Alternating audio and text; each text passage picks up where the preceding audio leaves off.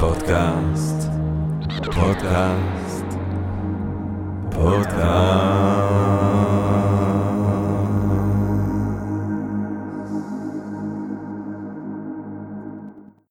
טוב, גבירותיי ורבותיי, ברוכות וברוכים הבאים לפודקאסט של Think and Drink Different. אני ג'רמי פוגל, ואנחנו רוצים קודם כל להודות לסמסונג נקסט תל אביב, קרן השקעות בתוכנה בשלבים מוקדמים, שמאפשרת לנו להקליט את הפודקאסט מהמשחק שלה בשרונה כחלק מתוכנת התמיכה בקהילת החדשנות והיזמות הישראלית.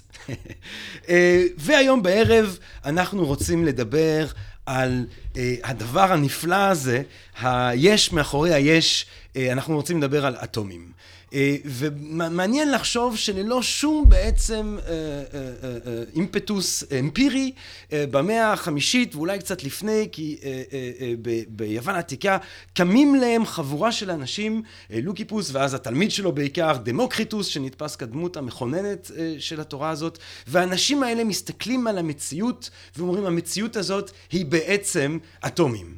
אטומים אטומים שרוקדים להם בריק ומתהווים באיזשהו סוג של מערבל שמימי והמערבל הזה מזיז את האטומים באופן נצחי, הם זזים ונעים והם יוצרים יחד את כל הדברים כולם וכל מה שקיים בעולם חשבו האטומיסטים הם בעצם בסופו של דבר אטומים. ולתורה הזאת הייתה השלכות רבות, גם השלכות מטאפיזיות, גם השלכות אתיות, כן, האטומים האלה הם פשוט נעים, אין להם שום מטרה, כן, זה לא הסבר של המציאות שיש לה תיאולוגיה, זאת אומרת למה משהו קרה, משהו קורה בגלל שיש איזשהו רצף סיבתי שמוביל לדבר הזה לקרות, אבל אין לו איזשהו אה, אה, אה, למען מה שלמענו הוא קורה, וגם אנחנו רואים אחר כך אצל אחד מהאטומיסטים המפורסמים של התקופה הקלאסית של הפילוסופיה ביוון, את אה, אפיקורוס כמובן, שמסיק אה, מכך שהמציאות היא בעצם ריק, ובריק הזה אטומים, אה, אה, אה, שאומנם יש אלים אבל אין סיבה לפחד מהם, כי הם שוהים בשלמותם, הם לא מתעסקים איתנו, וגם לא צריך לפחד מהמוות, כי המוות זה אין, זה לא התחלה של חיים של סבל בגיהנום חס וחס, המוות זה הסוף של החיים, זה אטומים של הגוף ואטומים של הנשמה שמתפרקים, ולא נשאר כלום, ולכן איפה שהמוות נמצא, אני לא נמצא, איפה שאני נמצא אין מוות, אין ממה לפחד, וזאת התורה של האטומיסטים, שכותב אותה באופן כל כך יפה גם את לוקרטיוס אחר כך. והאטומים האלה, העתיקים חשבו, זה בעצם חלקיק שאי אפשר לחלק אותו, פיזית, כן, גיאומטרית אולי כן, אבל פיזית אי אפשר לחלק אותו. זאת ש... המשמעות של המילה אטום. נכון מאוד, וזו המשמעות של המילה, אבל אז כמובן במאה ה-19 אנחנו חוזרים לאטומים שוב, והפעם עם בסיס אמפירי ועם בדיקות ועם בחינה ועם שיטה מדעית מודרנית. ומאז אנחנו עפים לכל מיני מקומות. זה המאה ה-20 לדעתי. כן, זה לא, אני חשבתי שזה בתחילת המאה ה-19. אני חושב שאתה מדבר על דלטון. אני, אני, אנחנו הולכים לעשות על זה בדיקה, כאילו, אתה יודע מה? יש לנו אצל, יש לנו... ההוכחה האמפירית, ההוכחה לקיומם של אטומים, היא הוכחה של איינשטיין. אני מכריז ברגע זה על הפסקת מחקר, גבירותיי ורבותיי, ואנחנו חוזרים. חזרנו! שוב איינשטיין! שוב איינשטיין, שבאמת לאחר שאומנם בתחילת המאה ה-19 דלטון ואחר כך בראון זורקים את האטומים כהיפותזה, שוב באותה שנה נפלאה שכבר עלתה בפודקאסט הזה כמה וכמה וכמה פעמים על נושאים שונים כל פעם, שוב אותו גאון נצחי איינשטיין, שבעצם מוכיח את קיומם באותו שנה נפלאה של 1905, ומאותו רגע ואילך אנחנו כמובן באלף ואחד דברים מופלאים ונוראים, פצצות האטום, אנרגיה אטומית, ועל כל אלה אנחנו אה, שמחים ונרגשים כדי לדבר על כל אלה, להזמין את האורח, אה, אה, אה, אנחנו באמת מתרגשים ושמחים מאוד לארח כאן את פרופסור גיא רון, שהוא פרופסור לפיזיקה גרעינית במכון אה, אה, אה, רקח, רקח, אה, רקח, סליחה, אה, לפיזיקה באוניברסיטה העברית, אה, שבה הוא חוקר אה, מגוון אה, תחומים שאנחנו נשמע עליהם. אה, גיא רון הוא גם אה, חגורה שחורה. בקונג פו, ואני אוסיף אפילו שבקראטה, כך שלתלמידים של גיא יש עילה טובה לשבת בשקט, כי אם לא קיל ביל, כאילו. ואי לכך הוא בעצם לזאת, פרופסור גיא רון, רק שנייה, איך אומרים גם מאסטר? יש, מה השם למאסטר בקונג פו? יש לזה שם, סנסאי. סנסאי זה ביפנית. אה, אז זה קראטה, נכון? אז פרופסור סנסאי גיא רון, שלום רב. אהלן. טוב, אנחנו אוהבים כאן אה, לתקוף את הבעיה אה, ישר בווריד הצוואר, אז אה, אם, אם אה, יורשה לנו לשאול אותך, פרופסור רון, מה זה בכלל אטום? מה זה אטום? מה זה הדבר הזה? אמ, אוקיי, זאת שאלה מצוינת. אה, אטום, אה, אם אני הייתי צריך להגדיר את זה היום, הייתי אומר שאטום זה היחידה, זה היחידה הבסיסית של הכימיה. זה אבן הבניין של הכימיה. כל, ה, כל התגובות הכימיות ש, שאנחנו מכירים בחיי היום-יום מתבססות על אה, אינטראקציות בין, בין אותם אטומים. או, או זה, זה בעצם היחידה הקטנה ביותר שיש לה זהות כימית.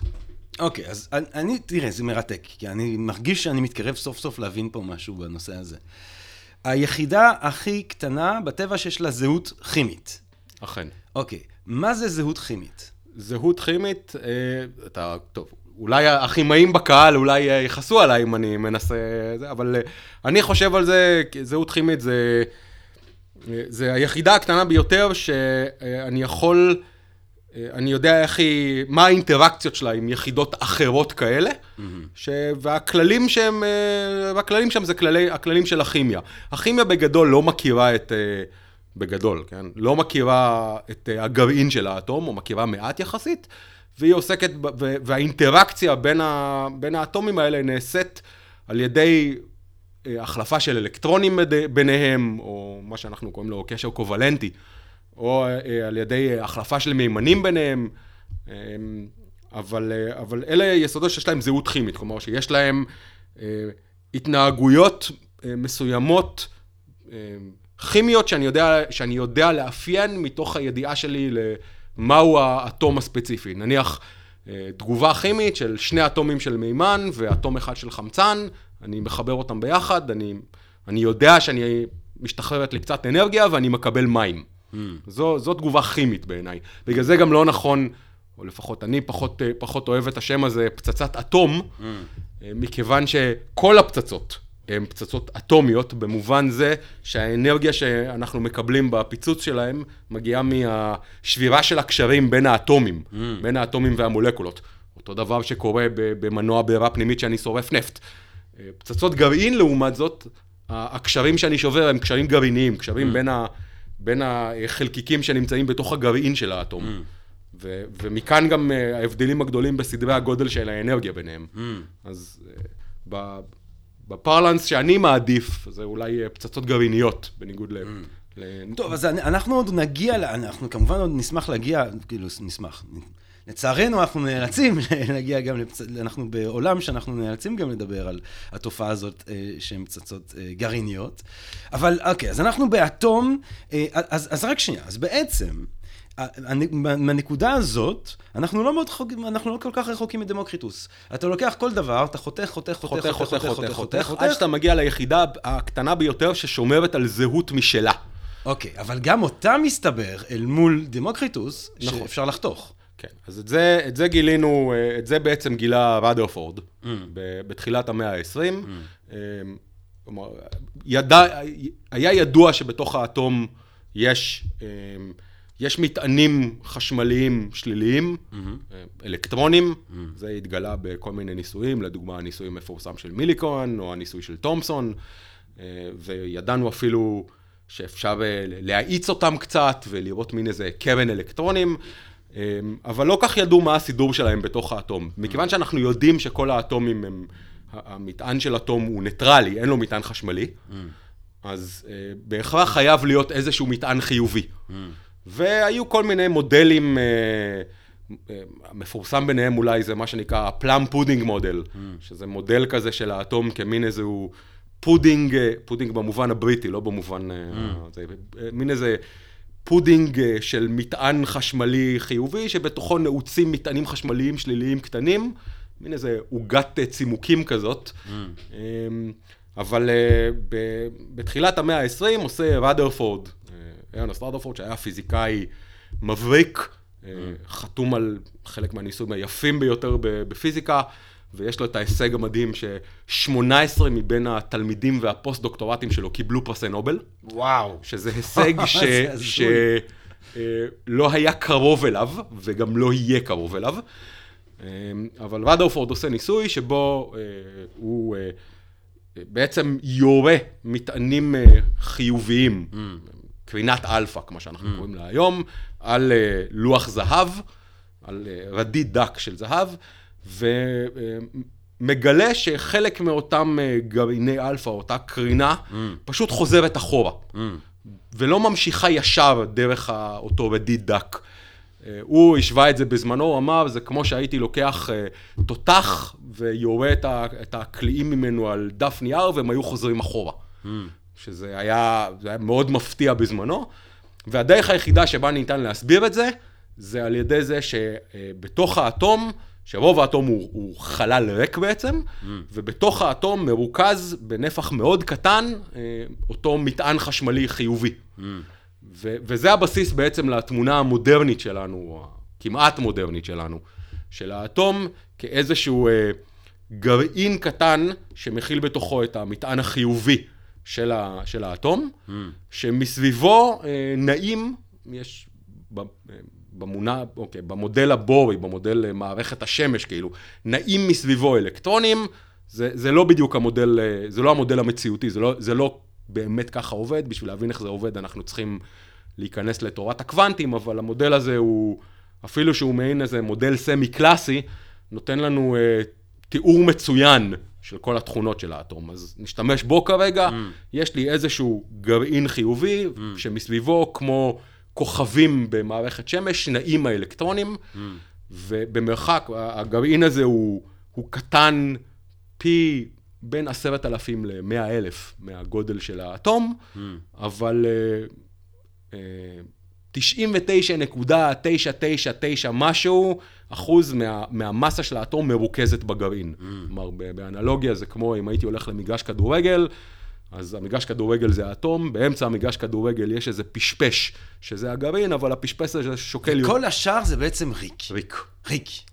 רוב מה שיש שוב, לא זה, נמצא זה בעצם. המודל הסמי-קלאסי. כן. במודל, אנחנו בעצם יודעים שזה לא נכון. בשביל להבין את התיאור האמיתי צריך להיכנס לתורת הקוונטים ולהבין באמת, כל השאר זה, זה ענן ההסתברות של האלקטרונים, אם אנחנו נדבר בשפה הקוונטית, אבל התיאור הזה הוא, למרות שהוא תיאור אה, לא לגמרי מדויק ו, ותיאור קלאסי או סמי קלאסי, במפתיע הוא נותן אה, תוצאות שהן אה, מאוד מאוד טובות. mm. הן כמעט מה שאנחנו מקבלים מהניסוי. Mm.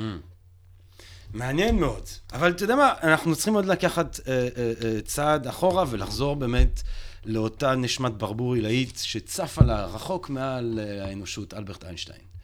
אה, אתה עכשיו בעצם אומר לי, אחרי ששמענו אותו, ומי ששמע את הפודקאסט שעשינו עם אילן ברוז, על איינשטיין, על, אה, על האור ועל ה, אה, על גרביטציה, שגרביטציה זה, זה בעצם התעמקות של הזמן מרחב, והגלים הגרביטציוניים וכל הדברים האלה, 1905, אנחנו חוזרים לאלברט איינשטיין 1905, כי אתה בעצם אומר לי עכשיו שאיינשטיין מוכיח את קיום האטום. אז, אז היקום של הזמן מרחב הוא קצת אחר כך, הוא 1915 לדעתי.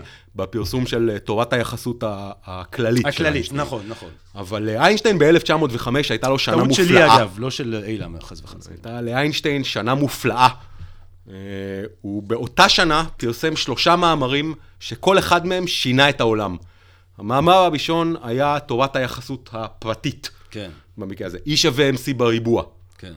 זה המאמר הראשון. המאמר השני היה המאמר שזיכה אותו בפרס נובל, המאמר על האפקט הפוטואלקטרי.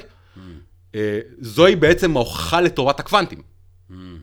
והמאמר השלישי, אה, זהו מאמר שבו הוא מסביר אה, תנועה בראונית. עכשיו, תנועה בראונית, לאלה, למאזיננו שלא מכירים את, ה, את הנושא, אז, אז בראון... יש רק מעט, רוב המאזינים שלנו במקרה יודעים מה זה תנועה בראונית. זה איכשהו, זה המאזינים מאוד מיוחדים. מאוד מיוחדים. אז, אז אני, תרשה לי לא, בקצרה, לא, רק לא, לחזור. אז, אז בראון לקח כוס תה. כן. ו- ושם לב שהפולן, האבק או אבקנים mm. מפרחים, אם הם בתוך הכוס תה, למרות שהתה לא זז, הם, האבקנים האלה זזים במעין איזו תנועה רנדומלית ותזזיתית. Mm. והדבר הזה נקרא תנועה בראונית, והוא לא ידע להסביר אותה.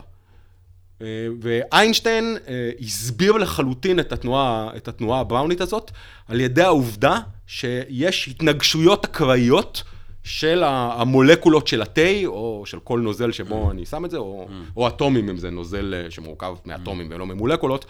אבל uh, הוא הסביר לחלוטין את התנועה הזאת על ידי התנועה האקראית של, ה, של האטומים שפוגעים באותם uh, גרגירי אבק ומזיזים אותם. זאת אומרת, אם אני, אני רוצה שנייה, ואני אשאל אותך שאלות טיפשות, אני מצפה להם לתשובות חכמות, אבל תרשה לי uh, שאלות טיפשות. העתיקים חשבו, כן, היוונים חשבו, ואותם קל איפשהו להבין, כי הם מדברים בצורה שהיא מאוד commonsensical. שיש יש צור, בסוף, בסוף, בסוף אתה מגיע לאטומים שונים, צורות שונות של אטומים, שהשילוב שלהם יוצר את כל המחקרים השונים. עכשיו נגיד, בוא נסתכל על הקוסט תה של אדון בראון. אז יש שם, נעשה מים, נעשה מים. את זה מים. אז אמרנו, יש אטומים של מים. יש מולקולות של מים. מולקולות של מים. כן. מים זה שני אטומים של מימן ואטום אחד של חמצן. כן. זו, זוהי מולקולה. אז זאת אומרת, אוקיי, יש מולקולות של מים שזה עשוי משני אטומים של אה, מימן, מימן ואחד של חמצן. ואז יש את ה... את ה אבקה, אבק. אבק, אבק כזה. ונגיד זה, זה עשוי ממה? זה יכול להיות, זה אלה, קודם כל, זה, זה עשוי מהרבה מאוד מולקולות, זה, זה מולקולות מורכבות יחסית, כן. אורגניות, כן. כי זה מגיע נניח מאבקן, אבק כן. של פרחים, אז יש בזה פחמן, מולקולות עם שרשראות ארוכות. אה, אז, אז איך, אז, ו- אז איך בעצם, למרות שהם מאוד... המשחק בין, אתה בעצם מתאר משחק בין מולקולות, מולקולות של מים ומולקולות של אבק. אני מתאר, מש... כן, משחק שהמולקולות האלה, המולקולות של המים זזות כל הזמן. הטמפרטורה שלהם היא זו שגורמת להם, או בעצם זה אנלוגיה מוחלטת בין התנועה האקראית שלהם, כן. לבין הטמפרטורה שבה מוחזקים אבל, המים. אבל איך, איך בעצם מזה שאני אומר, אני בעצם, אז בעצם אתה אומר, מה שבראון רואה, זה שמולקולות של מים... מה שבראון רואה, זה שמדי פעם, באופן אקראי לגמרי, יותר מולקולות של מים פוגעות באבק הזה מאחד מהצדדים שלו, מאשר מהצד השני, ודוחפות אותו קצת. וזה נראה כאילו האבק הזה קצת קופץ. כן. ועכשיו, אה, מה שאיינשטיין עושה. זה אוקיי. לוקח ומתאר את ההתנהגות הזאת, כן. מתאר את הקפיצות האלה על ידי הסטטיסטיקה של הפגיעה האקראית של המולקולות באותם גרגירי אבק. אוקיי. וזוהי בעצם הוכחה לזה שלמרות שאני לא רואה אותם, uh-huh. אני לא רואה את המולקולות של המים, uh-huh. הם שם. אבל זה מולקולות, זה... זה לא אטומים. אבל זה לא משנה לצורך העניין, כי אה, באותה מידה זה היה יכול להיות אטומים. לא, לא, אבל לא הבנתי. הוא מוכיח שיש מולקולות. למה מוכיח... אתה אומר שהוא מוכיח שיש אטומים? כי, כי זה לא משנה בעצם אם אתה אומר שהגודל הבסיסי הזה שזז, הוא בעצם מוכיח שיש אה, אלמנטים ב, אה, בתוך המים האלה שנעים uh-huh. ופוגעים, למרות, ולמרות שאני לא רואה אותם, הם, הם אה, יוצרים השפעה שנראית לעין על אותם גרגרי אבק. כלומר, כן. יש איזשהו משהו שהוא ה, היחידה האינדיביזיבל, הבלתי ניתנת לחלוקה של המים. כן. אוקיי? עכשיו, זה, זה לא כל כך משנה במקרה הזה אם זה אטומים או מולקולות, כי אה, במקרה של מים אני גם יכול לקחת את אותם מים ונניח לעשות להם אלקטרוליזה ולהפריד אותם לחמצן ומימן. כן. כלומר, אנחנו יודעים שקיימים בתקופה, בשלב הזה, אנחנו כבר יודעים שקיימים יסודות שונים. Mm. אנחנו יודעים שיש יסוד שנקרא חמצן. Mm. אה, אנחנו יכולים, עושים, אה, בנסן עשה ניסויים עם ספקטרוסקופיה, אנחנו, אנחנו יודעים שהם שם, אבל אנחנו לא יודעים, אין לנו הוכחה ניסיונית לקיומם, נקרא לזה. Mm. אבל ההוכחה הניסיונית הזאת זה בעצם המאמר הזה של איינשטיין. Mm. הוא, הוא מתאר ב, בכלים האלה את האפקט הזה של, שבראון רואה. Mm. ו, וזוהי בעצם ההוכחה. וזה עובד. וזה עובד. Mm. פיזיקה היא מדע ניסיוני, אתה כן. מתחיל בניסוי, אתה רואה משהו שאתה לא יודע להסביר, ואז אתה צריך לבוא עם אה, תיאוריה שמסבירה אותו. אני מכיר מעט מאוד מקרים בפיזיקה, איינשטיין הוא אחד מהם דרך אגב, שבה התיאוריה קדמה לניסוי. Mm. תורת היחסות הכללית של איינשטיין... אולי גם היא... קופרניקוס. אה, אפשר להתווכח האם קופרניקוס זה פיזיקה, או אבל... אה, או ברונו שאומר שהיקום הוא אינסופי וזה, שאין לו שום סיבה אמפירית לחשוב ככה, נגיד. יכול, נכון. כן. בעת המודרנית, בעת המודרנית יש לי את ה... איינשטיין זה כמובן אחת מהדוגמאות האהובות עליי, הדוגמה השנייה האהובה עליי זה פול דיראק, ש, שחוזה את, את האנטי חומר mm. לפני שהוא מתגלה. Mm. אמ, זה, אני אגיד לך משהו, הדו, התופעה הזאת של אה, פיזיקאים גאונים, פיזיקאים גדולים, שיכולים אה, אה, להציע תיאוריה מתוך איזשהו אפילו משחק מחשבה, כן, איינשטיין שמדמיין כילד מה קורה אם אני רוכב על גל אור או מה שלא יהיה.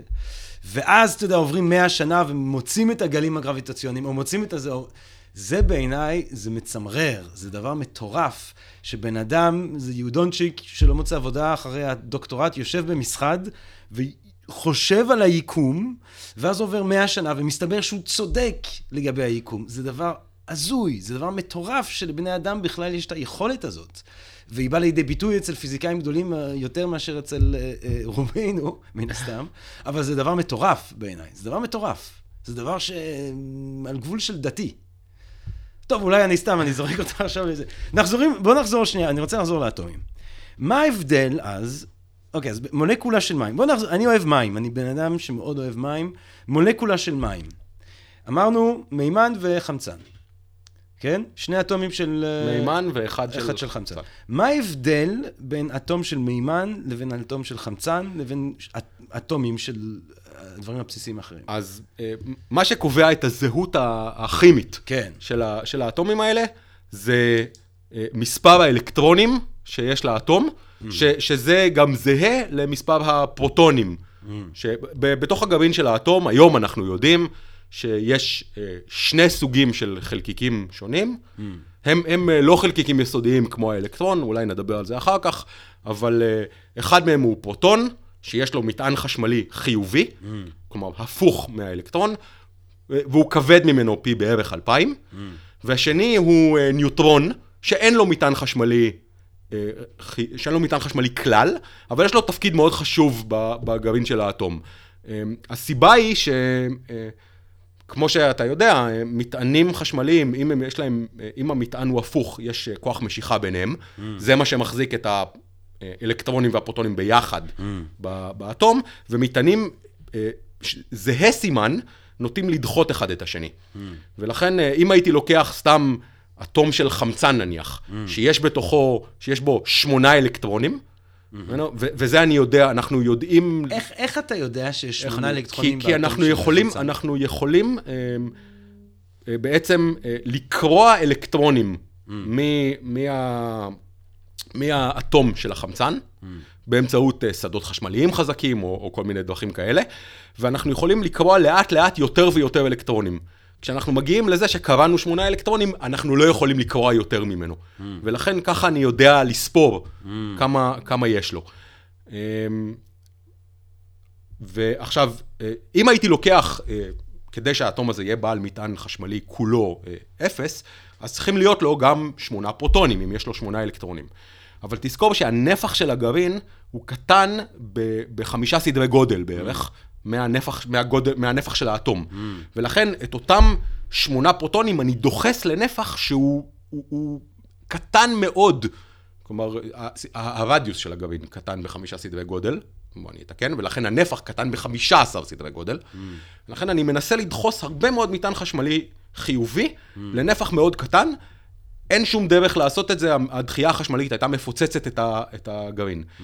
ולכן אנחנו יודעים שיש כוח נוסף שעובד שם, mm. שהוא יותר חזק מהכוח החשמלי, mm. ואחרת אה, הוא לא היה מצליח להחזיק את זה ביחד. אה, פיזיקאים בהיותנו לעיתים אה, חסרי מעוף, קוראים לזה הכוח הגרעיני החזק. כי הוא חזק, ועל מנת לתווך אותו, אנחנו יודעים שצריך להיות עוד עוד סוג של, עוד חלקיק בתוך הגרעין, וזה הניוטרון. אז הניוטרון, בעצם תפקידו במובן מסוים לשמש מעין דבק גרעיני, שמחזיק את, ה, את הפרוטונים והניוטרונים ביחד בגרעין. שוב, הניוטרון הוא נטול מטען והוא מעין אה, דבק, דבק גרעיני. גרעיני שמחזיק... שמחזיק את הפרוטונים והניוטרונים בגרעין ביחד, הוא מחזיק את הגרעין כנגד כוח הדחייה החשמלי שיש. Mm. אה, ולכן, לדוגמה, אם אני טיפה משנה את, ה, את הקונפיגורציה הזאת של הגרעין. נניח, אני לוקח החוצה ניוטרון אחד, או מוסיף פרוטון, או לפעמים גם מוסיף ניוטרון, אז הכוחות מתארגנים ככה שלפעמים הכוח הגרעיני שמחזיק את הגרעין ביחד, הוא לא מצליח להתגבר mm. על הכוח החשמלי, ואז הגרעין אה, אה, נשבר. Mm. התהליך הזה נקרא ביקוע, והוא בעצם התהליך שעומד מאחורי אה, כל האנרגיה הגרעינית והפצצות הגרעיניות היום. אבל זה גם סתם קורה בטבע? אה, יש, זה, זה גם קורה בטבע. גרעינים מסוימים הם פשוט, אה, הם לא יציבים. Mm. הם רדיואקטיביים, mm. הם שואפים, כמה שאפשר לעשות אנתרופופורם, אנתרו, וואטאבר. אנחנו, גרעינים האלה אה, מנסים להפוך יותר יציבים, והם עושים את זה על ידי התפרקות רדיואקטיבית מכמה סוגים. אנחנו מכירים כמה סוגים של התפרקויות רדיואקטיביות, כל אחת עם מאפיינים משלה, אבל הבסיס המשותף לכולם הוא שהתפרקות כזאת הופכת את הגרעין להיות יותר יציב. ממה שהוא היה קודם. עכשיו, אז זאת אומרת שאטום, כמה, אטום חי, אז האם הם צדקו היוונים שאטום חי לנצח? אז אה, אטומים מסוימים, אלה היציבים. נגיד אטום של מים. את... סליחה, אין אטום של מים, אטום של מימן. אטום של מימן, אטום uh, של מימן רגיל, כן. או אפילו אטום של מימן כבד, כן. חיים לנצח, הם לא מתפרקים. אוקיי. עכשיו, אה, אטומים אחרים, uh-huh. uh, לדוגמה, uh, uh, אטום של, יש, uh, בשפה שלנו אנחנו קוראים לזה איזוטופים, שאתה לוקח... Uh, יסוד כימי שיש לו מספר שונה של ניוטרונים, אנחנו קוראים לו בשם איזוטופ. אז מימן זה אה, אטום שבגרעין שלו יש רק פרוטון אחד. מימן כבד, יש בו פרוטון וניוטרון. מכיוון שרוב המסה נמצאת בגרעין, אז אם הוספתי עוד ניוטרון, והמסה של הניוטרון היא בערך כמו המסה של הפרוטון, אז הוא בעצם פי שתיים יותר כבד. ממימן רגיל, ולכן אנחנו קוראים לו מימן כבד. יש איזוטופ נוסף של מימן שנקרא... אה, מימן כבד פעמיים, או, או אנחנו קוראים לו טריטיום. אבל כל אלה, אם כבד או, כבד פעמיים, אני עושה מים כשאני. לוקח שניים. אתה לוקח מים, אז, אז אם אני אקח שני אטומים של מימן כבד. של. מים כבדים. בדיוק. שני אטומים של מימן כבד mm. ואטום אחד של חמצן רגיל, mm. אז המים האלה יהיו יותר כבדים, ולכן אנחנו קוראים להם מים כבדים. אבל אותו איזוטופ, שיש לו שני ניוטרונים ופרוטון אחד, mm-hmm. שאנחנו קוראים לו טריטיום. הוא, אה, הוא כן מתפרק, הוא רדיואקטיבי, ו... יש לו סיכוי של 50% להתפרק במהלך 12 אה, שנים. כלומר, אם אני לוקח אה, קילוגרם של, אה, של החומר הזה, אז אחרי 12 שנים יישאר לי חצי קילוגרם. מרתק. מטורף. עכשיו, אני, תראה, אני רוצה לשאול אותך משהו, ואנחנו נעבור ל...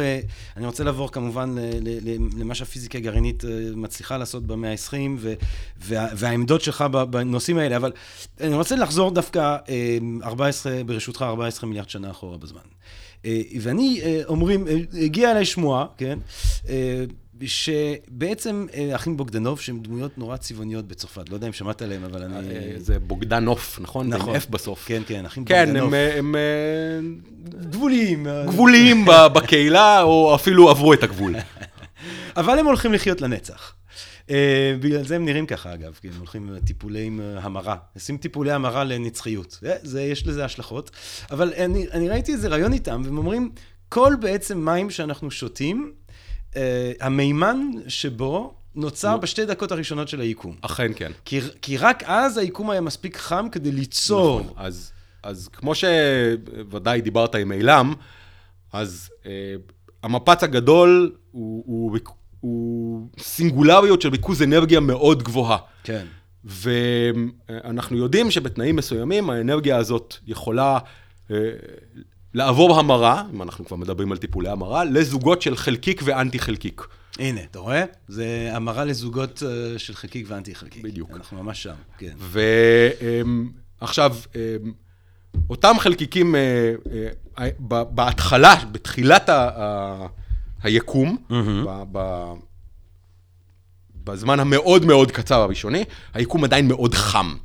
ולכן אה, מסתובבים להם אותם זוגות של חלקיק ואנטי חלקיק, ו, ו, ולא מצליחים להתחבר, כי ברגע שהם מתחברים, אז הטמפרטורה מפרקת אותם שוב לזוגות mm. הבודדים. אבל היקום מתפשט. אנחנו יודעים, זה, זה כן. מפץ, והיקום מתפשט. אה, הטמפרטורה יורדת. הטמפרטורה יורדת, והיא יורדת, ואחרי זמן קצר, היא יורדת ל, לרמה שבה אה, אותם זוגות, אותם... אה, חלקיקים בסיסיים, במקרה הזה אה, מדובר בקווארקים, אה. שהם החלקיקים שמרכיבים את הפרוטונים. אה, הנה. אז אה, הטמפרטורה מתקרבת מספיק על מנת שהם יוכלו למצוא אחד את השני. ו- ולהתחבר. אז זאת אומרת, ו- ואז בשלב הזה... בשלב הזה הקוואר... נוצר המימן. הקווארקים לא. מתחברים לפרוטונים, שזה מימן. אוקיי. עכשיו, בשלב הזה עדיין לא אטומים. עדיין הטמפרטורה היא, היא, היא מספיק חמה, כדי שהמימן הזה, הוא, זה אטומים מיוננים, אין להם את האלקטרון. אוקיי. רק, רק 300 אלף שנה אחר כך, הטמפרטורה יורדת מספיק. 300 אלף שנה אחר כך? הטמפרטורה יורדת מספיק לנקודה שבה האטומים האלה יכולים לתפוס אלקטרונים. זה השלב שבו אנחנו אומרים שהיקום נהפך לשקוף. עד אותו שלב, והסיבה שאנחנו אומרים את זה כי פוטון, חלקיק אור, אה. שמתקדם בתווך הזה של היקום, יש לו סיכוי גבוה לפגוש אלקטרון. אה. ואז הוא יתפזר ממנו, אז הוא לא ינוע בקו ישר. ורק בשלב שבו האלקטרונים האלה נלכדים על ידי המימן, הפוטון הזה יכול, החלקיק אור הזה יכול להתקדם אה. בקו ישר, ואז היקום נהפך, בשפה שלנו הוא נהפך שקוף. אוקיי, אז רק, אז, אז, אז וכן, ולכן כל המימן ש... קיים. ש... כל המימן... ושיהיה קיים אי פעם. ושיהיה קיים אי פעם. בעצם... אנחנו ה- לא יכולים ליצור, אין לנו מספיק אנרגיה ליצור את הקווארקים האלה של מימן. אנחנו אה, יכולים, אנחנו יודעים במאיצים לייצר, אה, האמת שהיום אנחנו מייצרים אנטי מימן אפילו במאיצים, כלומר מימן שמורכב מאנטי פרוטון ואנטי אלקטרון, אבל זה דורש הרבה מאוד אנרגיה. אה, ויש מספיק מימן גם ככה. יש מספיק מימן גם ככה. זה נכון דרך אגב לגבי מימן, זה, אה, וזה נכון גם לגבי מימן כבד, זה לא נכון לגבי היסודות האחרים. במפץ הגדול נוצר, אה, אה, נוצר המימן, נוצר המימן הכבד, אחוז מסוים ממנו, נוצר אחוז מסוים מההליום שיש לנו, אהה. ועוד קצת אה, דברים יותר אז כבדים. בעצם היסודות... כל שאר היסודות אהה. נוצרים בכוכבים. Mm, שזה בית חרושת. זה ל- בית חרושת ליסודות כבדים ומאוד כבדים, אהה. ובעצם אה, אה, אחת מהאמיתות הגדולות ביותר שאני מכיר בפיזיקה, זה שרוב מה, רוב ה, ה, מה שנמצא בגוף שלנו, אה, למעט המימן, אבל רוב הדברים האחרים שבגוף שלנו, כל הדברים האחרים, הם נוצרו באותם כבשנים קוסמיים, הכוכבים. ועל זה אמר, אמר קרל סייגן, We are all stardust. נכון. We are stardust, we are. לא, זה וודסטוק. זה השיר וודסטוק. אבל, אה, אוי, תובל של Think and Drink Different מפריע לי באמצע הפודקאסט, החצוף הזה, אני אענה לו על הטלפון. תובל, אני באמצע פודקאסט, אני באמצע פודקאסט, אתה נורא מפריע, תעזוב אותי בשקט. אה, זה תובל מ-Think and Drink Different, חצוף, חצוף גדול. אה, היית יכול להעלות אותו לשידור. להעלות אותו לשידור. ומה מה הוא יגיד? מה הוא יגיד תובל? אה, תובל אגב רווק, אה, למי שמחפשת, אה, זה אני יודע שזה מאוד מדאיג אותו, והוא שונא שאני אומר את זה. טוב, anyway. אה, היינו עם stardust, היינו עם קרל סייגן. אני רוצה, אבל, אני רוצה לחזור שנייה ליקום הראשוני.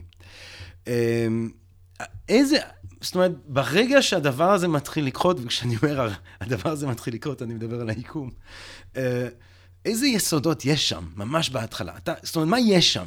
לפני שנוצר המימן? יאללה, יאללה, קח אותנו, תרכיב לנו, תרכיב לנו את הפוזל הזה של העצם היש, אז, כן. אז ב, ב, בהתחלה אנחנו מדברים על אנרגיה. שזה, אגב, אני הבנתי שפיזיקאים לא יכולים להגיד לי מה זה. אמ, זאת שאלה טובה. לי, לי אישית, אני לא הצלחתי מעולם למצוא הגדרה טובה אה. שאני מרוצה ממנה לאנרגיה, למעט אולי אנרגיה היא היכולת לבצע עבודה. כן. כלומר, זה, אז ככה אני מסביר את זה היכול- לסטודנטים. רבותה, אנחנו מתחילים עם יכולת לבצע עבודה ביקום. אבל, אבל האנרגיה הזאת, כמו שלימד אותנו איינשטיין, היא, היא בעצם אמ, יכולה להפוך גם למסה. כן. E שווה MC בריבוע. כן. ובשלב הזה, אה, מתוך האנרגיה הזאת, נוצרים זוגות של חלקיקים ואנטי חלקיקים. מכל הסוגים. אבל אמרנו שבהתחלה הם לא יכולים נכון. להתאחד מרוב שחם. אז מה שנוצר בעצם בהתחלה זה, זה בעיקר קווארקים אה. ו- ואלקטרונים, קווארקים ואנטי קווארקים, אלקטרונים ואנטי אלקטרונים, אה. אה, ניוטרינואים ואנטי ניוטרינואים, בעצם כל, ה, כל גן החיות של החלקיקים היסודיים, הם יסודיים. הם יסודיים. אותם אי אפשר לפצל. אותם אי אפשר לפצל למיטב ידיעתנו. יש היום uh, תיאוריות ב- בפיזיקה, שהן על גבול המתמטיקה, של, שנקראות תורת המיתרים, אה. שמנסות לתאר את כל החלקיקים היסודיים אה. כבעצם ויברציות באיזשהו מיתר. אבל אם, אם אנחנו נתעלם לרגע מה, מהתיאוריה הזאת, אז, אז החלקיקים היסודיים הם קוואר- קווארקים, קווארקים, אלקטרונים, אהה, אה, האחים הכבדים של האלקטרונים, שאנחנו קוראים להם אה, מיואונים וטאו, שזה... אה, טאו? מה זה השם הזה פתאום? כולם אה, יש להם שמות זה, קוראים לו טאו? טאו, חלקיק טאו, גם מיואן זה. חלקיק מיו. יפה. אה, אנחנו נוטים לקרוא לדברים באותיות אה, יווניות. כן. אני לא בטוח למה, דרך אגב. אבל אה, אה, קווארקים, אנטי קווארקים, אה, אלקטרונים, אנטי אלקטרונים, מיואנים, אנטי מיואנים, חלקיקי טאו. ומאיפה כל אלה באים? מתוך האנרגיה של ה... מתוך האנרגיה... ולמה הם באים שונים? למה, למה, אם יש אנרגיה אחת, למה היא לא יוצרת אה, חלקיק יסודי אחד? למה היא יוצרת כל מיני סוגים של חלקיקים יסודיים? מכיוון, ש- אלה הם החלקיקים היסודיים, וסטטיסטית היא יכולה, הם יכולים להיווצר. אה. אז אלה מהם ה- שהם יותר, שדורשים יותר אנרגיה לייצר, אה. נוצרים פחות מהם, כי הסיכוי שלהם להיווצר הוא יותר קטן. אה. אבל, אה, אבל כל החלקיקים היסודיים יש להם איזשהו סיכוי להיווצר. אה, עכשיו, באותו שלב היקום מורכב מכמות שווה של חלקיקים ואנטי חלקיקים. אה. מאיזושהי סיבה שאנחנו לא יודעים, אנחנו לא יודעים להסביר אותה, אה, היקום מעדיף חומר על פני אנטי חומר. עכשיו, מה זה אנטי חומר? אנטי חומר אה, הוא... מה זה אנטי חלקיק? אנטי חלקיק הוא, הוא, אה, הוא כמו חלקיק, הוא זהה לו, אנחנו מדברים על חלקיקים יסודיים. חלקיקים אז יש יסודיים. קווארק ויש אנטי אנטי קווארק. קווארק. אז כן. אנטי קווארק זהה לקווארק כן. ב- בכמעט כל התכונות שלו, אהה. למעט אה, המטען החשמלי שלו שהוא הפוך, אהה. ועוד כל, מט... כל מיני סוגי מטענים אחרים שהם גם הפוכים, אבל לא ניכנס אליהם כרגע, אבל הוא, זה חלקיק שהמסה שלו זהה, אבל הוא הפוך בתכונותיו האחרות. ואיך זה, והדברים האלה נוצרים ביחד? הם נוצרים ביחד מכיוון שלאנרגיה, אם, אם נחשוב רגע על, על החלקיק הכי פשוט, שאנחנו אה. מכירים, אלקטרון, אה. אלקטרון ואנטי אלקטרון. אה. לאנרגיה אין מטען. כן, האנרגיה אין לה מטען חשמלי. אה. ולכן, אם אני מייצר אלקטרון, כדי לשמר, יש, יש לנו חוק שימור המטען. כן. על מנת לשמר את העובדה שהמטען החשמלי הכללי הוא אפס, אם אני מייצר חלק, אלקטרון, אני חייב לייצר איתו אנטי אלקטרון, כדי לשמר את העובדה שהמטען החשמלי הכולל הוא אפס. ואנחנו יודעים שביקום, המטען החשמלי הכולל של כל היקום, הוא עד כדי דיוק הכי טוב שאנחנו מסוגלים למדוד הוא אפס. טירוף. ועכשיו, אתה שם את כל הדברים ביחד של היקום, מה אתה מקבל? אפס. וואו. אנרגיה.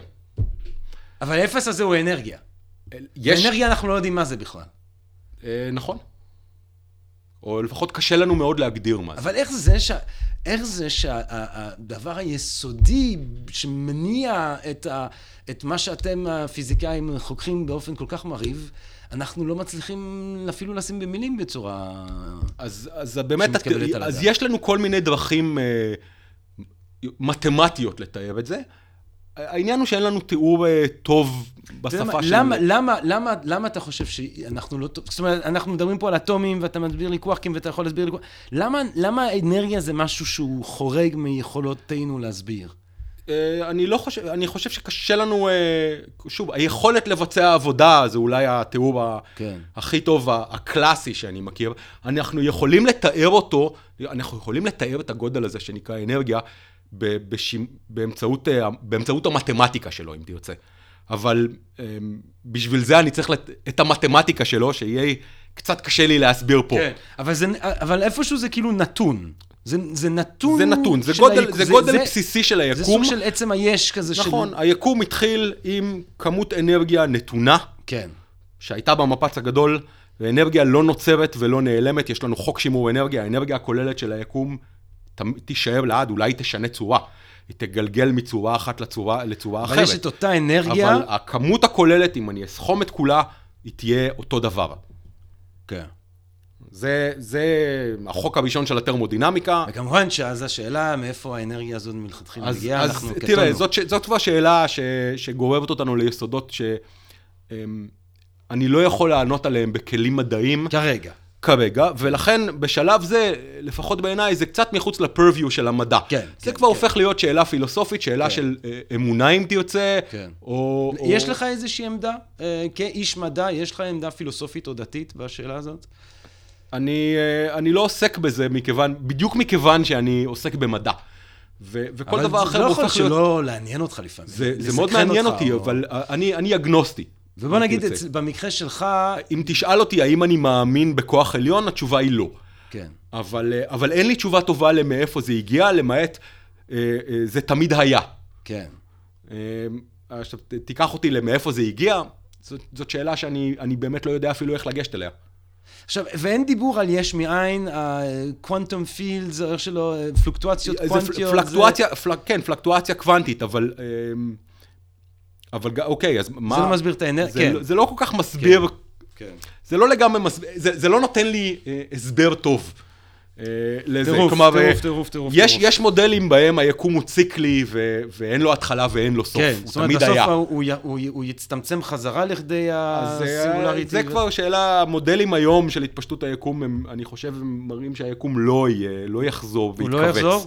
אבל אני, שוב, זה, זה לא, לא כן. ככה תחום שלי, אז אני? כבר לא יודע מה המודלים הנוכחיים.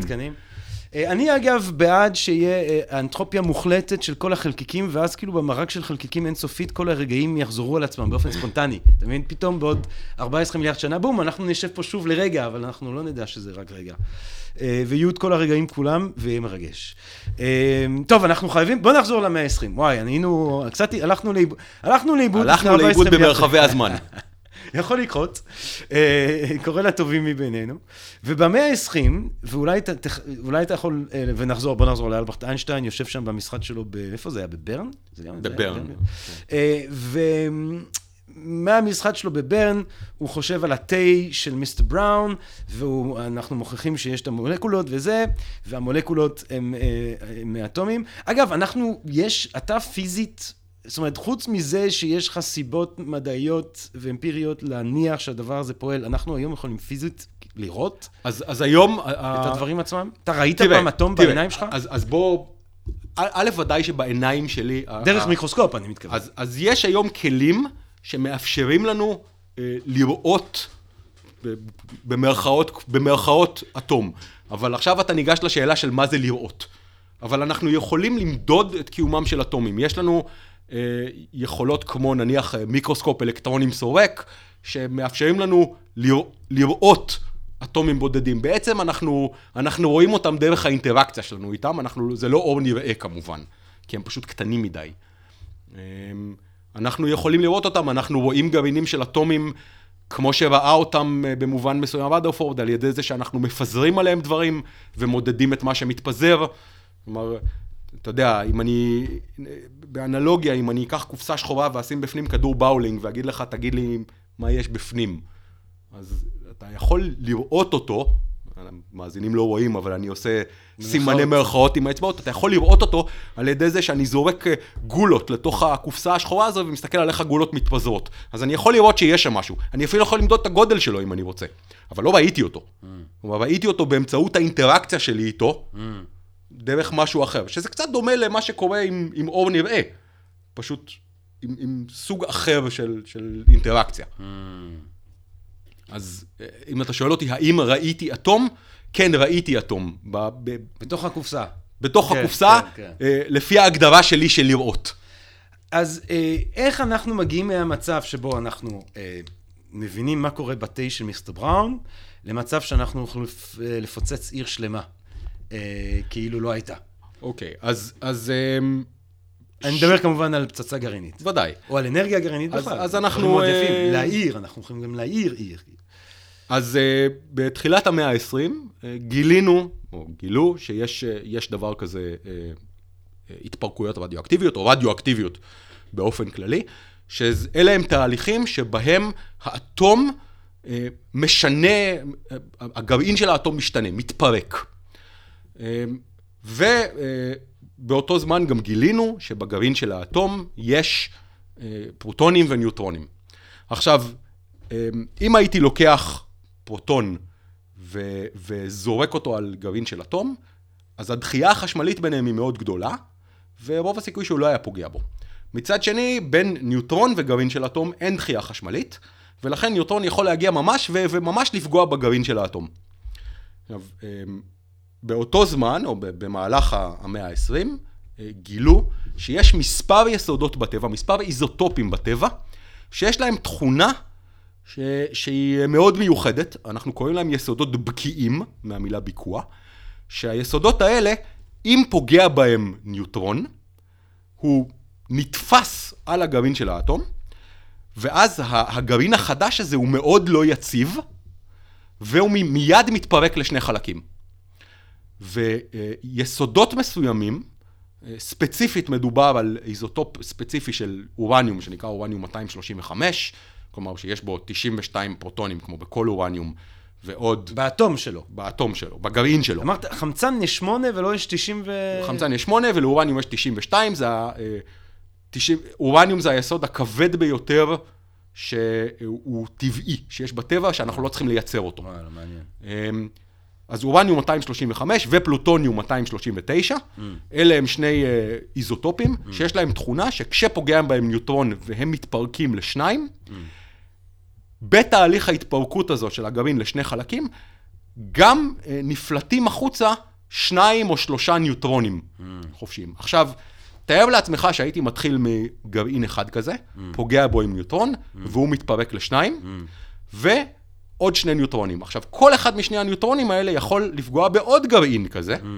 ואז כבר יש לי ארבעה. Mm. ועוד, אה, וכל אחד מהארבעה האלה... אקספוננציאלית זה... זה...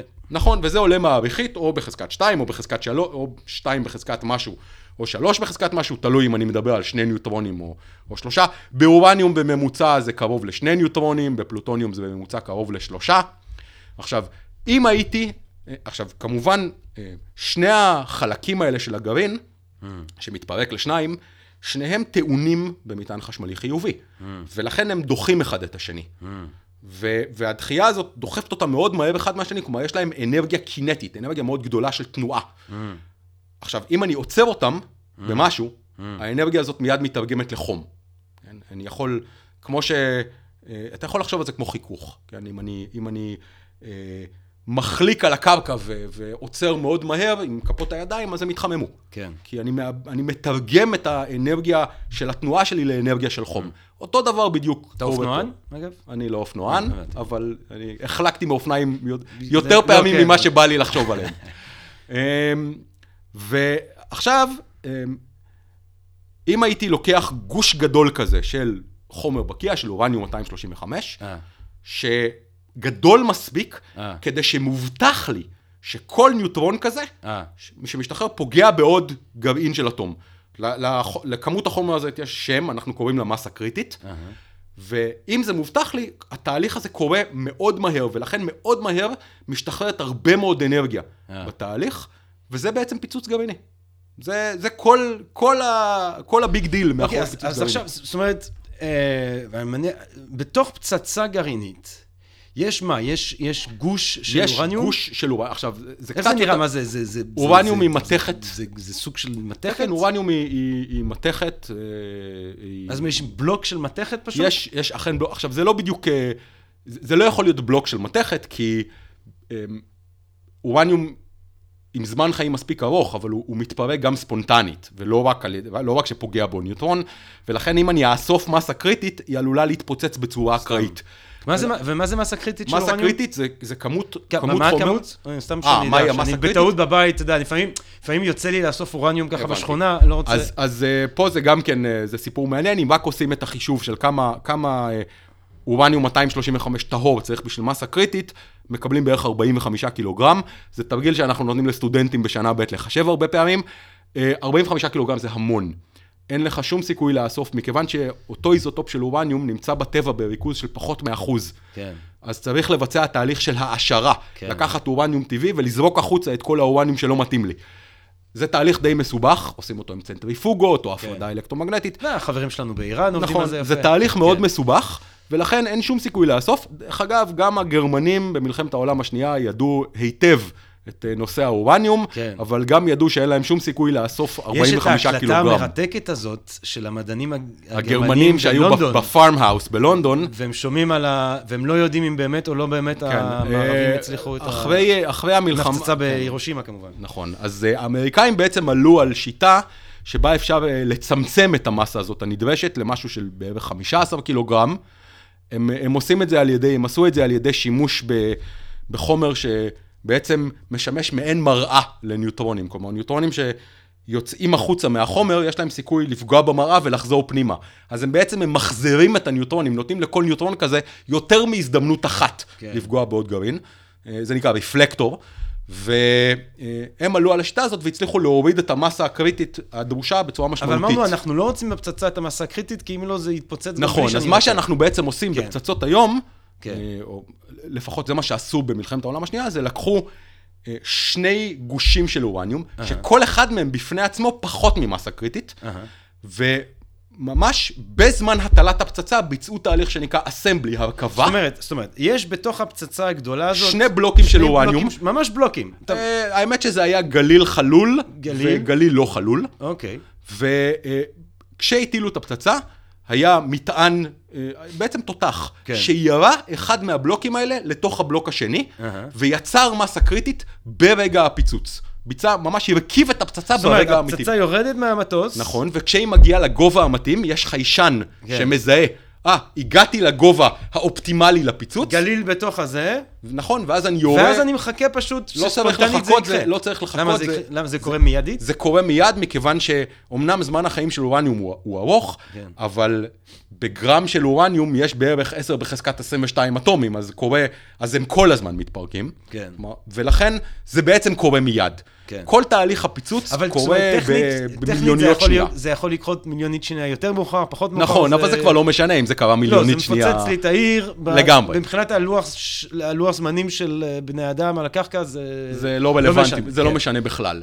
אה, ומ- אבל זה בעצם הסיפור, זה, זאת אומרת, זה, זה, זה חתיכת אורניום שנכנסת לחתיכת אורניום אחרת. כן, במקרה, במקרה של הפצצה של האורניום זה היה הפוך. אה, החתיכה של האורניום, שהיא הגליל החלול, נורתה לתוך, מסיבות טכניות, היא נורתה לתוך הגליל המלא, ולא הפוך, אבל זה לא, זה לא כל כך אבל משנה. ואם איזה טמבל במעבדה לוקח את הגליל, מכניס את הגליל לשני, בום, עם או, הידיים אז- שלך אתה יכול אז, לעשות אה, פצצת אטום גם. אה, זה... אם אני מגיע, אני רוצה, אני רוצה לעשות פצצת אדום אה, התאבדות. אני, יש לי גליל זה וגליל שני ביד, שם אותם, פצצת אטום. אז, אז אה, אני לא צריך חשמל, זה לא, זה פה, אתה שם. לא צריך חשמל, אבל אה, אתה כן צריך לעשות את זה מספיק מהר. למה? כי אה, יש, התהליך הזה של ה... של ה... התהליך הזה קורה מהר, אבל בתהליך הזה גם משתחררת הרבה מאוד אנרגיה. ו, ולכן בעצם יש פה שני תהליכים שאתה בעצם, יש פה תהליך שמתחרה ביכולת שלך להרכיב את הפצצה. ברגע ששני הגושים האלה מתקרבים אחד לשני, כבר מתחילה תגובת השרשרת. כן. עכשיו, אם אתה לא מקרב אותה מספיק מהר אחד לשני, אז תגובת השרשרת היא, אז ייווצר שם מספיק לחץ וחום, שהפצצה תתפרק לחלקים לפני שהיא מספיקה לייצר אנרגיה מספיקה. זה מה שאנחנו קוראים לו פיזל. זה בעצם מה שקרה... אתה תעשה פצצה קטנה כאילו. כן. מאוד קטנה, כן. ושתעלה לך הרבה מאוד כסף. זה בעצם מה שקרה בניסוי הגרעיני הראשון של צפון קוריאה. לא האחרון, לא אחד לפני זה, ממש ממש הראשון. אה, זה אמנם היה פלוטוניום ולא אורניום, אבל לפי כל ההערכות שלנו היום, או הערכות של שירותי המודיעין המערביים, אה, זה היה כישלון. כלומר, זה היה פיצוץ שהיה מקביל לבערך אה, אלף טון של TNT, שזה הרבה פחות ממה שהם קיוו להפיק. וזה מה שיקרה אם אתה לא תעשה את זה מספיק מהר. הבנתי. אה, זאת אומרת, אה, אם אני עושה את זה ידנית, אם אתה עושה את זה ידנית, זה, זה זה לא יהיה- יעבוד מספיק מהר, אתה צריך... אבל אתה זה צריך- יהרוג אותי. זה יהרוג אותך. אה, האמת שדברים דומים לזה אפילו קרו. משתחררת גם הרבה קרינה בתהליך, ו- ויש... אה, קרו יותר ממקרה אחד שבכל מיני ניסיונות כ- שנעשו כדי לאמוד מהי מסה קריטית, בזמן פרויקט מנהטן, שהיה הפרויקט האמריקאי, אז אה, יותר מאדם אחד אה, ספג מנה קטלנית של קרינה כתוצאה ממשחקים שהוא עשה עם אה, שני גושים של אורניום שהוא קירב אותם אחד לשני. כן. אמ, אבל, אבל פיצוץ כפיצוץ אתה, אתה לא תצליח עכשיו, לעשות. איך זה ש... אוקיי, אז, אז אבל, אבל איך... שוב, שאלה טיפשה שתבוא עליה, אני בטוח תשובה חכמה, אבל איך, איך, איך זה שזה כל כך, פצצ- איך זה שזה כזה פצצה ענקית? לא, איך זה שזה כל כך אוקיי, הרבה אז, אנרגיה? אז, אמ, מילא בום, מתפוצץ, זה, אז- לא יודע, אבל איך זה שזה כזה דבר? כאילו? אוקיי, אז, אז אמ, הכוח הגרעיני החזק, כשמו כן, הוא מאוד חזק. כן. יחסית לכוח החשמלי. כן. מה שמחזיק, הקשרים בין המולקולות של החומר נפץ, או בין האטומים במולקולה של החומר נפץ, בחומר כן. נפץ קלאסי, כמו כן. TNT, כמו C4, אלה קשרים כימיים. כן. ובשפה שלנו יש להם אנרגיה מסוימת. תחשוב על, זה כמו קפיצים. כן. נניח קפיץ מכווץ כזה, שכשאתה מבצע את הפיצוץ, אתה חותך את הקפיץ באמצע, אז, הוא, אז שני החלקים, שני הגושים שהקפיץ החזיק, נזרקים אחד החוצה מהשני. כן. הקפיץ הזה, יש לו, הוא אוגר בתוכו אנרגיה מסוימת, והיא אנרגיה כימית. כן. עכשיו, סקלת האנרגיה שאגורה באנרגיה גרעינית, כלומר, בקפיץ הזה שמחזיק את, ה, את החלקים של הגרעין ביחד, היא גדולה פי כמה מיליונים מהאנרגיה שאגורה בקפיץ שמחזיק את, ה, את האנרגיה הכימית. הבנתי. אז כי, כי בעצם סקלות האנרגיה הגרעיניות הן הרבה יותר גבוהות. כן. כן. ולכן, אה, בתהליך הזה של הביקוע הגרעיני, משתחררת האנרגיה פר תהליך, פר, פר ביקוע, נניח, משתחררת אנרגיה שהיא גדולה בפקטור של כמה מיליון מהאנרגיה שמשתחררת כשאני שובר מולקולה של חומר נפץ רגיל. ו- זאת אומרת, יש ומכאן פה בעצם... בעצם חוק שימור האנרגיה. האנרגיה האנרג- שמחזיקה ביחד את האטום של האורניום, את הגרעין של האורניום, את הגרעין של האורניום, נכון. ברגע שאני בוקע, זה היא? הופכת לחום בעצם. היא הופכת פשוט לחום. כן. אז אני יוצר חום אדיר. נכון. ומכאן ה-destructiveness, כוח ההרס של הפצצה כן. הזאת, כי אתה משחרר אנרגיה עבור אה, כמות חומר נתונה, אתה משחרר אנרגיה שהיא גדולה בפקטור 20 מיליון נניח, ממה שהיית משחרר מאותה, מאותו מסה של חומר נפץ כימי רגיל. כי התהליך שאתה, שאתה משתמש בו הוא תהליך גרעיני ולא תהליך כימי. ומכאן ה, מכאן יכולת ההרס הגדולה של, של פצצה כזאת. כלומר, הפצצה שהוטלה נניח בהירושימה הייתה בערך מקבילה, למרות שכמות החומר, כמות האורניום שהייתה בה הייתה מאוד קטנה, הייתה בין 30 ל-50 קילו נניח, היא שחררה כמות אנרגיה שמקבילה ל-13 אלף טון של TNT. כן, לא צחוק, כן. וזה בעצם מוביל אותנו לעוד נושא, וטוב, או, אנחנו כבר אה, לאט לאט, אה, הזמן, אה, הזמן לא עוצר לאף אחד, אבל אתה יודע מה, אז נעשה את זה אפילו יחסית קצר, אה, כי אני רוצה להגיע לך לפינה שבעצם המצאתי אותה עכשיו, שקוראים לה אה, שאלות של סטלנים, אבל אני רוצה להגיע לשאלות של סטלנים בעוד, בעוד כמה דקות, אבל לא, אה, אה, כי אני הייתי, אני זכיתי להיות בהרצאה ב-Think and Drink Different שלך, של פרופסור גיא רון במוצ"ש, סנסei אה, גיא רון במוצ"ש בדיזי, ובעצם אתה דיברת על אנרגיה גרעינית, וכמו שאנחנו צריכים את החום הזה כדי לעשות פצצה, אפשר עם החום הזה להזיז טורבינות, מחממים מים, המים עולה, מזיזים טורבינות, יוצרים חשמל, אנרגיה גרעינית, ובעצם אה, באופן מאוד פרובוקטיבי, אה, פרובוקטיבי, התחלת את ההרצאה, אמרת, האם יש אסונות? האם קרו אסונות גרעין? וכמובן שכולם ראו את סדרת המופת אה, צ'רנוביל, אז אנשים נוטים להגיד כן, אבל אז אתה מראה להם את האסון הנורא הזה שקרה בסין עם ה... בסכר, בסכר, בשם בנק יאו. שברגע שהסכר קרס בעצם מתו, מה זה, 80 אלף איש? 80 אלף איש טבעו, 85 אלף איש כנראה. כן. אתה יודע, זה בסין באותה תקופה קצת קשה אולי לקבל נתונים כן. מדויקים, אבל כל ההערכות, כולל אלה הסיניות, אומרות שמדובר בסדר גודל של 85 אלף איש שמתו מיד בהצפה, כן. ועוד...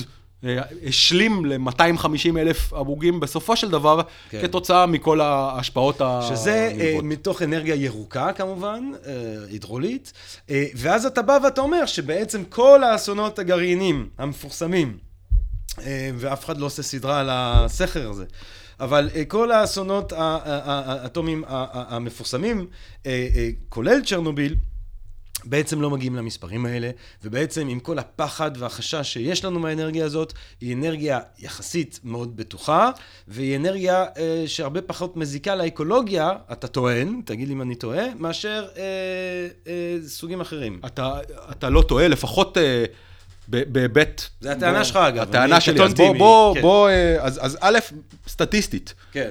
אה, מספר מקרי המוות כתוצאה, פר יחידת אנרגיה מופקת, אנחנו כמובן מנרמלים את זה, פר יחידת אנרגיה מופקת, מספר מקרי המוות מאנרגיה גרעינית הוא הנמוך ביותר מכל, מכל סוגי הפקת האנרגיה. ודאי שמפחם ונפט, שהם איומים, כי אתה צריך לקחת בחשבון את, ה, את הפליטה של כל החומרים הרעילים שיוצאים לאוויר ומחלות הריאה הנגרמות, אבל גם, גם אה, אנרגיה הידראולית, כתוצאה, הסכר הזה כמובן מטה קצת את הסטטיסטיקה, אה, ו- וודאי שאנרגיה גרעינית היא יותר ירוקה במובן אה, מגז טבעי ומפחם אבל עם. אנרגיה גרעינית, יש לי פסולת גרעינית, נכון, אבל כמות שאותה הפסולת אני הגרעינית... צריך לשמר אבל לנצח. זאת אומרת, אני, אני אומר לאנושות, תסתדרו עכשיו דורי דורות, אה, אוקיי, אבל, לשמור את אבל, זה בצד. אבל כמה, כמה חומר אתה חושב שזה? תגיד לי אתה. לא הרבה, כי... אה, שוב, בגלל אותו... נגיד, הבד- בדיוק... עשר שנים של אה, אה, פעילות של אה, איזשהו סוג של... אה, אה, אה, עשר שנים של פעילות של קוב גדול. כן. אנחנו מדברים על, אה, על כמות חומר שהיא נניח סדר גודל של 300-400 טון של פסולת גרעינית. אז יש לנו נגיד 400 טון של פסולת, שהפסולת היא מה? היא המים? ה- ה- לא, ש- לא, לא, הפסולת היא, היא בעצם אה, מוטות הדלק, כן. שבתוכם יש את אה, תוצרי הביקוע כן. של ה...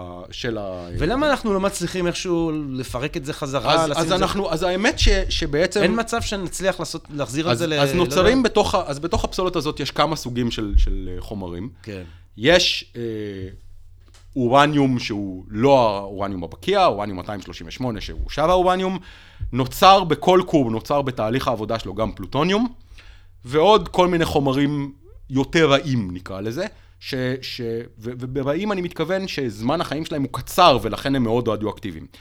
אם הייתי מסוגל להוציא החוצה את האורניום ואת הפלוטוניום, הייתי נשאר עם כמות הרבה יותר קטנה, שנמדדת באחוזים בודדים מבין הפסולת, אותה, אותה אני צריך לאחסן לכמה מאות שנים נניח. רק כמה מאות שנים? רק כמה, רק כמה מאות שנים, כי זה החלק המאוד רדיואקטיבי. עכשיו, הבעיה בזה, והסיבה אה, הסיבה שכנראה לא עושים את זה, היא שהתהליך הזה, בין היתר, אה, הוא, הוא ייתן לי הפקה של פלוטוניום, ופלוטוניום הוא חומר שאפשר להשתמש בו לפצצות גרעיניות. התהליך הזה של, אנחנו קוראים לזה reprocessing, הוא, הוא תהליך שעלול לתרום לפרוליפרציה, להפצה של נשק גרעיני אבל דווקא. כמו שאתה מעשיר את החומרים האלה, פלוטוניום, אורניום, אין לך, אי אפשר לעשות את ההפוך? אי אפשר לעשות אותם עניים שוב? אה, עקרונית אני יכול לערבב אותם בחזרה בתוך אורניום אה, רגיל, אבל זה, זה תהליך שאין כל כך סיבה לעשות אותו. אה, כדי, זאת אומרת, אין, מה שאני בעצם שואל זה, אין פה, אין לי שום סיכוי להפוך תשמע, פסולת רדיואקטיבית ל- ל- אז, ללא יש, רדיואקטיבית? יש כל מיני רעיונות לאיך עושים את זה. כן. אה, יש באמצעות אה, טכני... אנשים מדברים היום על, אה, באמצעות מאיצים הרבה עוצמה, לעשות transmutation, המרה של החומרים האלה. עוד אין אף מודל, ש... ש... עוד אין אף הצעה לעשות את זה בצורה מספיק יעילה. אבל תשמע, לאחסן כמות כזאת של, של חומר, זה, זאת לא בעיה גדולה. כלומר, זה נכון שאנחנו מדברים נניח על 400 טון, אבל אורניום הוא חומר מאוד כבד. ולכן ה-400 טון האלה מתרגמים לנפח לא מאוד גדול. עכשיו, אם כל מי שייסע ליד אה, חדרה ויראה את ערימות העפר שיש שם בחוץ, מיד יבין שכמות החומר שאני צריך לאחסן ולשמור... אבל לדורות. מתחנות, לד... כן, אבל אתה... אז א', אה, תוצרי השריפה של תחנות כוח, כוח פחמיות הם רדיואקטיביים. לא כמו תחנות כוח אה, גרעיניות, אבל אה, אני שורף החוצה את כל החומרים האורגניים, אז אני נשאר החוצה, אני נשאר עם חומרים שלא נשרפים, ובין, ובחלקם ספציפית יש אה, אחד מהחומרים הבעייתיים, הוא חומר שנקרא אשלגן 40, שהוא רדיואקטיבי. אז כן, אני נשאר גם עם פסולת שהיא היא רדיואקטיבית, אמנם פחות, אבל רדיואקטיבית מתחנות כוח רגילות. וגם את, ה, את הפחם הזה אני צריך לאחסן איפשהו. כן? אם אני אשים אותו בערימות בחוץ, אה, תישא אותו הרוח ואנשים יחטפו מחלות ריאה, כמו שהתחיל לקרות, דרך אגב, גרמניה אחרי פוקושימה התחילה לסגור תחנות כוח גרעיניות, ומכיוון שלא היה להם פתרון חלופי ירוק מיידי, היום כבר יש להם הרבה יותר אנרגיה ירוקה, הם ראו עלייה במקרה מחלות הריאה, כי הם היו צריכים לעבור לתחנות כוח פחמיות. אתה מיד רואה את זה. ו, ואנרגיה גרעינית היא, זה, היא בעצם אחד משני המקורות היחידים שיש לנו היום, שיכולים לספק חשמל 24/7 ללא פליטה של גזי חממה. זה אנרגיה גרעינית ואנרגיה והידראולי. רוח תלוי, ב, תלוי בעובדה שיהיה רוח. שמש תלוי בעובדה שיהיה שמש. כן. זאת אומרת, אני, היה לנו גם על זה אה, פודקאסט עם אה, פרופסור יונתן אה, דובי, והדבר באמת המרכזי זה שאם אני, אני לא רוצה לעוות את דבריו, אבל זה שאין לנו איך לאחסן. נכון, היום הבעיה הגדולה שלנו, כי אם היה אפשר לא להוציא את השמש כל היום, היא אגירת אנרגיה. כן, כן. היום פשוט הטכנולוגיה שלנו של אגירת אנרגיה היא מאוד לא יעילה. אה, ואתם יודעים את זה, כאילו, כל אחד יכול... כל אחד שבוחר על הבטריה. בפלאפון שלו. כן, שבוחר על הסוללה בפלאפון. או שרואה כמה עולה לקנות, כמות האנרגיה, ש... כמות הכסף שאני משלם עבור סוללה, סוללת אצבע שאני קונה, כן. אם הייתי משלם לחברת חשמל עבור אותה אנרגיה מהשקע, הייתי משלם בעשרות מונים פחות. וזו פשוט בגלל שסוללה היא לא יעילה. זה, זה, זאת הסיבה. אין לנו סוללות יעילות, ואין לנו דרך יעילה לאגור אנרגיה. אם הייתה לנו, אז יאללה, לעבודה. יאללה די, לעבודה, ו- די, די לשבת שם וכל אחד מהמאזינים וזה- שלנו, שישפר את יכולת האגירה של אנרגיה. למה? תגיד, באחוזים זה אתה- בודדים, אתה יהיה ביליונר. זה אתה שצריך לעשות את זה. אני, אה, הידע שלי הוא דווקא, דווקא מי שצריך, אה, דווקא תחום העיסוק הרלוונטי לזה הוא, הוא פחות פיזיקה, הוא יותר כימיה. וואלה. אה, על מנת לשפר נצילות של סוללות צריך כימיה פיזיקלית או... אין. כל האנשי כימיה האלה, הם כל היום עושים אה, MDMA וזה, אף אחד מהם לא חושב אלה השאלות של הסטלנים. כן. לא, אה, הנה, שאלות של סטלנים. יש לנו פינה חדשה, מאולתרת, שאלות של סטלנים. אני לא, אני רוצה שסטלנים, מה שקורה, שלפעמים סטלנים, מה שקורה איתם, הם הולכים צעד, אתה לוקח צעד אחורה, מסתכלים ככה בצורה קצת מרוחקת על הדברים. בוא נסתכל שנייה בצורה קצת מרוחקת. אפילו עם הקונג פו. מעניין אותי הדבר הזה, שאתה גם, יש לך את ההתמחות הזאת אה, אה, בשני תחומים בעצם, כן? לפחות, יש משהו שלמדת מהקונג פו שהוא תקף במדעים, משהו שלמדת במדעים שהוא תקף בקונג פו? לא לוותר. לא לוותר ברמה... לא לוותר אף כאנושות פעם. או ברמה האישית? גם וגם. כן. לא לוותר, ו- ואולי... אה, זה דווקא בעיה, שאלות של סטלנים זה כן. תשובה של... ו- ואולי אה, אם תרצה, אה, אמ, לא כל בעיה צריך לתקוף בדרך הישרה. לפעמים אפשר ללכת מסביב וגם להגיע לפתרון. Mm, מעניין, מעניין מאוד. מה אתה חושב ש... אתה יודע, אני שאלתי, אני, אני כשהייתי אה, ילד כבר, אפשר להסתכל אחורה, למדתי תואר ראשון באנגליה, ושאלתי, חבר שלי שעשה אה, דוקטורט אז בפיזיקה קוונטית, שאלתי אותו, מה למדת מהמדע? אה, מה אתה יכול ללמוד מכל הקוונטית? כי אז הייתה תקופה של הסוד, מה אתה יכול ללמוד בעצם? מה... אז הוא אמר, כלום. קוונטים מבחינתי זה משהו שקורה ברובד של דברים מזעריים וזה, אני לא משליך מזה על החיים. שאלתי פעם אה, אה, חבר אחר שהוא היה כימיקאי, הוא אמר לי, שאלתי אותו, מה אתה לומד בעצם לגבי החיים מהמדע? הוא אמר, "אה, truth cannot be contained. שחשבתי שזה מש, משפט מאוד יפה. מה, אז, אז אתה לוקח, אם אני שואל אותך, מה אתה לוקח מהמדע לחיים, אתה אומר, לא לוותר, לא לוותר. לא אה, לתקוף, אה, לא לתקוף את הבעיות אה, בהכרח באופן מישרין. שאיך זה בא לידי ביטוי בקונג פו, אגב? אתה לפעמים צריך לזוז הצידה כדי, כדי לפגוע במישהו. כן, יפה, כי הוא מגן על עצמו מקדימה. מעניין. וכשאתה יושב אחורה ואתה אה, אתה, אתה, אתה קורא גם את, ה, אה, את הכתבים של נגיד החכמים הסינים העתיקים, אה, אה, הטאואיסטים, אני לא יודע אם זה, עד כמה זה קשור לקונג פו בהכרח. זה לא כל כך קשור, זה פחות... כי אני, אני מנסה, אתה אמרת מקודם שאתה אגנוסטי. כשאתה מסתכל על עצם היש, ולך יש באמת מבט שלמעט אנשים יש באמת, בסופו של דבר. היכולת המדהימה, המפליאה הזאת, להבין באופן הכי מדויק שההיסטוריה האנושות אי פעם בעצם מאפשרת לנו להבין את החלקיקים הבסיסיים שמרכיבים את הקיום שלנו. כשאתה מסתכל, אתה חוזר, אתה יודע, מיום עבודה עמוס אה, במכון רקח, אה, באוניברסיטה העברית וזה, ואנחנו חלקיקים וגרעינים ועניינים ופה ושם, ואתה חוזר הביתה ואתה ככה אה, שותה בירה, ואתה חושב על עצם היש, על היקום. מה, מה, מה נראה לך קורה כאן, בעצם? העולם הוא הרבה יותר מסובך ממה שאנחנו חושבים. אוי ואבוי. ו... ואם יש דבר ש... שראינו בהיסטור... לאורך ההיסטוריה בפיזיקה, זה כשתמיד אנחנו uh, מג... מגיעים, ל... מגיעים לאיזה אמת וחופרים קצת, אנחנו מגלים עוד, עוד שכבה למטה. כן. תמיד הילד עם הלמה מנצח. ו- תמיד הלמה יותר גדול ממה שאנחנו מספקים. תמיד, תמיד יש עוד, עוד לאן לחפור, כן. וזה טוב, כי זה היה משעמם אם היינו יודעים הכל. כן, אה? הייתה תקופה הזאת שהם חשבו שהם מגיעים כבר ל... עוד מעט אנחנו יודעים את כל מה שאפשר לדעת. וזה גם נכון לגבי אה, קונג פו? תמיד יש לאן אה, להשתפר? כן, כן. זה לא... זה, תגיד, זה, בן כמה אתה, אם יורשה לי? 43. טוב, ואתה עוד, אתה יודע, אנשים לא רואים, אבל אנחנו מדברים פה על אתלט. מה קורה אה, גם לפיזיקאים וגם לאנשי קונג פו, מה עם זקנה? כי אומרים תמיד, אתה יודע, הפיזיקאים יעשו את העבודה הכי טובה שלהם כשהנורונים במיטבם בסוף שנות ה-20 וזה. אז אני יכול להגיד לך שאם אה, תבוא, אה, ואני מזמין אותך לבוא למעבדות במכון רקח, אה, ולהסתובב שם, ואתה תראה ש... יש בכלל נטייה לאנשי מדע, שגם אחרי הפרישה הפורמלית שלהם לפנסיה, הם ממשיכים לעבוד. כן, אה? הם לא יכולים להפסיק. הם לא יכולים להפסיק. ומה עם הדמות אז של המאסטר הזקן, הקונג פואיסט? גם הוא לא יכול להפסיק. כן. ויש לו עוד לאן, יש לו עוד... ל- תמיד. כן. תמיד יש עוד משהו לגלות. אני מאוד אוהב את הלא לוותר הזה.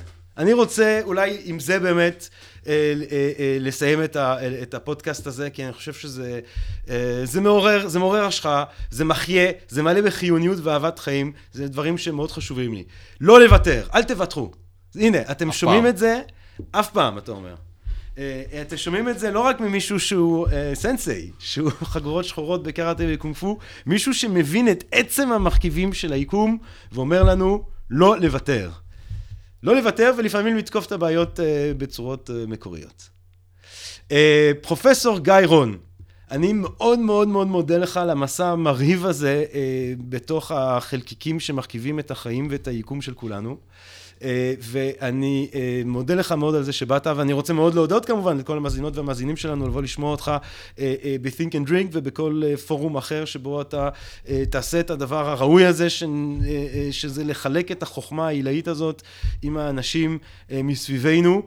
ואני רוצה להודות לכם ולכן, מאזינות ומאזינים שלנו על ההקשבה, ואני רוצה לעודד אתכם לשמוע את שאר הפודקאסטים שלנו, שאנחנו הקלטנו ושבעזרת השם עוד נקליט, ואי לכך ובהתאם לזאת. כל טוב, העיקר בריאות, אה, שתהיו אה, אנשים אה, טובים, ואנחנו נשתמע. תודה רבה ולהתחרות. פודקאסט, פודקאסט, פודקאסט.